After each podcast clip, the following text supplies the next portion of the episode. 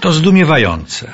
Osiem i pół Federico Felliniego. Jedno z największych, najważniejszych, najwspanialszych, przepraszam za ten nadmiar przymiotników dzieł światowej sztuki filmowej, nie znalazło się na żadnej tak zwanej liście rankingowej najlepszych filmów w historii kina. Oto ile warte są listy rankingowe. 8,5 premiera w 1963 roku to niezwykła, fascynująca, działająca jak narkotyk mozaika przyziemnej rzeczywistości, wybujałej fantazji i magicznych snów. Przede wszystkim jest to jednak, no żeby rzecz sprowadzić na ziemię, portret mężczyzny, który w okolicy czterdziestki, jak to często bywa, przeżywa głęboki kryzys. Przybywa do wód, czyli sanatoryjnego kurortu, by leczyć zarówno nadwątlone ciało, jak i udręczoną duszę. Robi rachunek całego swego życia. Wspomnienia, wyobrażenia mieszają się z zupełnie realną rzeczywistością. Przybywa też żona i kochanka. Fellini rozpoczął zdjęcia, ale szybko zorientował się, że brak mu jakiejś oryginalnej, scalającej całość myśli przewodnej. I nagle znalazł się w sytuacji swego bohatera, też nie bardzo umiejącego się odnaleźć w swoim życiu, w swoim świecie, szukającego przyczyn, sposobów na rozwiązanie zagadki samego siebie w dzieciństwie, w przeszłości, bliższej, dalszej, w spotkaniach z innymi ludźmi, w działaniu albo też w zamyśleniu. To niezwykła przygoda z samym sobą, chyba bliska nie tylko Feliniemu.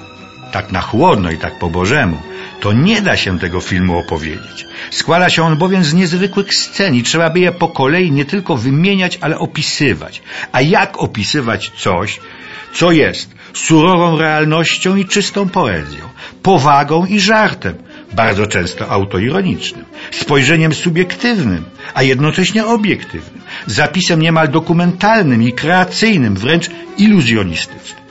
Są w tych scenach, a więc w całym filmie, i problemy społeczne, obyczajowe i, jak się nazywa, cała cudowność i tajemniczość świata. W finałowej scenie, kiedy z tego, no pozornego zresztą chaosu, wyłania się jednak jakiś porządek, jakaś myśl, jakaś wizja całości, kiedy machina filmowa wreszcie rusza w określonym kierunku i celu, jesteśmy świadkami, jak wielki mag Fellini stwarza nowy świat. Takich przeżyć i późniejszych głębokich refleksji dostarcza nam niewiele filmów. Główną rolę reżysera gra Marcello Mastroianni, ulubiony aktor Felliniego. Zacytuję krótkie jego wspomnienie o swym przyjacielu Federico Fellini. Kiedy kierował zespołem ludzi, potrafił doskonale ustawić całą tę chmarę postaci, od ważniejszych do drugoplanowych, nawiązując z każdym aktorem, a nawet ze statystą, koleżeńskie więzy, czyniąc z nich przyjaciół, którzy przygotowują razem wielkie święto czy wielką zabawę. Na przykład ta jego niesamowita wręcz zdolność zapamiętywania wszystkich imion, imion nawet statystów, porozstawianych po kątach.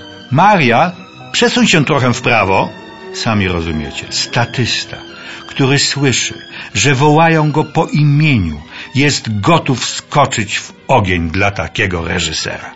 No i skakali, nie tylko zresztą statyści, także widzowie i krytycy. I na koniec jedno wyjaśnienie. Skąd wziął się ten dziwaczny tytuł Osiem i pół? To był roboczy tytuł filmu. Kiedy Fellini zaczął zdjęcia, ale nie wiedział jeszcze w jakim kierunku poszybuje jego film. Fellini nakręcił do tamtej pory siedem filmów pełnometrażowych i dwie ćwiartki, czyli dwie nowele w innych filmach.